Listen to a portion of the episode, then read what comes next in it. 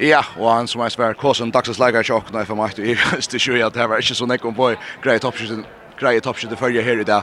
Hagen Vest at hei on til akkurat skifterum i hvordan Kosse er det? Ta ta skål på meg mål, 20 mål når det legend där Jimmy det där snäv vi blöder sprat och framma dekka, men till Chimasen Schalfe ja till at det rikker ikke. Vi veier ned, vi hjelper ikke mamma nå vel, og så brenner vi det eisene og gjør noen chanser og ja, om man kan skal seile i vitale, som vi helst skulle ha hvis løft i malene, men som vi ikke får. Er det, um, er det offeren av, av, av, av hva skjer det? Nei, vi vi vi vel vi har utviklat nok och akkurat men det har vi da skjønner att ha Luxemburg att spela här her sig snä. Men uh, Nej, har hade ju offar vi vi måste mer skuffar och när och egna position. Du en egna position till till så tans gång rätt undan i målshoten snör fram och kanske en stöver här så tar du kan man sätta alla spelarna här själva för att spela det och det skulle kunna men eh hur känns det att spela som han testar så ta ta ta gånger illa men två för bollen i mål ska man liksom ta egna arbete i version skulle komma in. Sjåan det hela vi ännu mer råd om om vi har bränt alla bollarna men jag stannar i sitt chock som att jag spelar gå det så som om Lee och vi har akkurat tappat en dish som vi helst skulle vunna efter akkurat meningen. Hur ser så vannar till i morgon? Ja, han har vi tar först. Vi vidar väl att Italien för att ha vunnit största av Lettland och Lettland är det störst lag som är störst kan Luxemburg. Eh så vi då tar först men vi vidar vi skulle bara in i morgen. så så fisk för en gå gå en svön och så bara köra köra hit i morgon och så vidare kvar till Tekrocken gå ut nu så har gått så ta en torsdag för prata och ja, vi har sagt morgon vad det går sen bättre.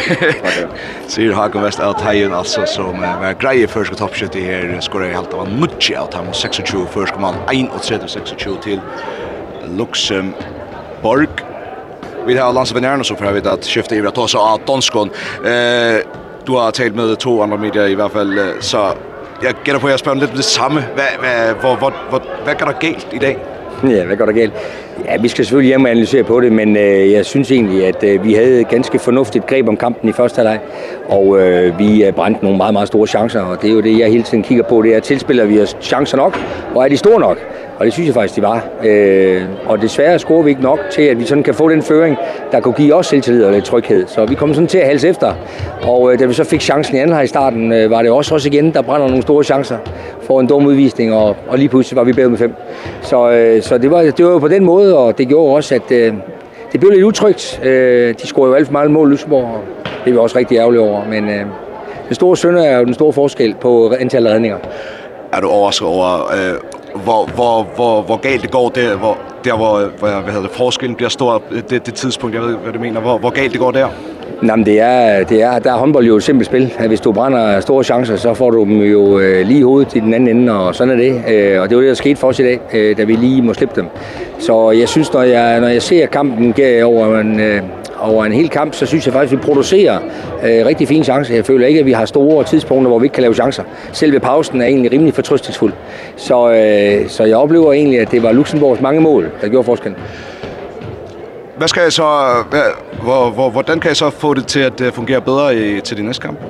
Jamen, vi skal jo holde fast i, i præstationen. Altså, det vil sige, at vi skal ind og levere et, et endnu bedre forsvarsspil og et bedre målmandsspil. Og vi skal også være klar til at kunne levere endnu bedre afslutningsspil. Det er en endnu dygtigere målmand i morgen, så det er ikke fordi, det bliver lettere, men det er jo ikke fordi, det er umuligt. Så øh, der er ikke andet for, end at få øh, Rebe Sejlen har gjort sig klar til kamp i morgen og levere en pragtpræstation. Du er ikke bekymret? Nå jo, jeg er da død ærgerlig ikke vandt i dag, men håndbold er et simpelt spil.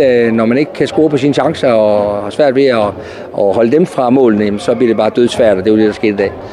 Det har vi i hvert fald en dag held og lykke til i morgen, og ja, vi håber, det går lidt bedre i hvert fald. Tak ja, for det. det er godt. Så, Peter Brestorff, Larsen, uh, Landstis.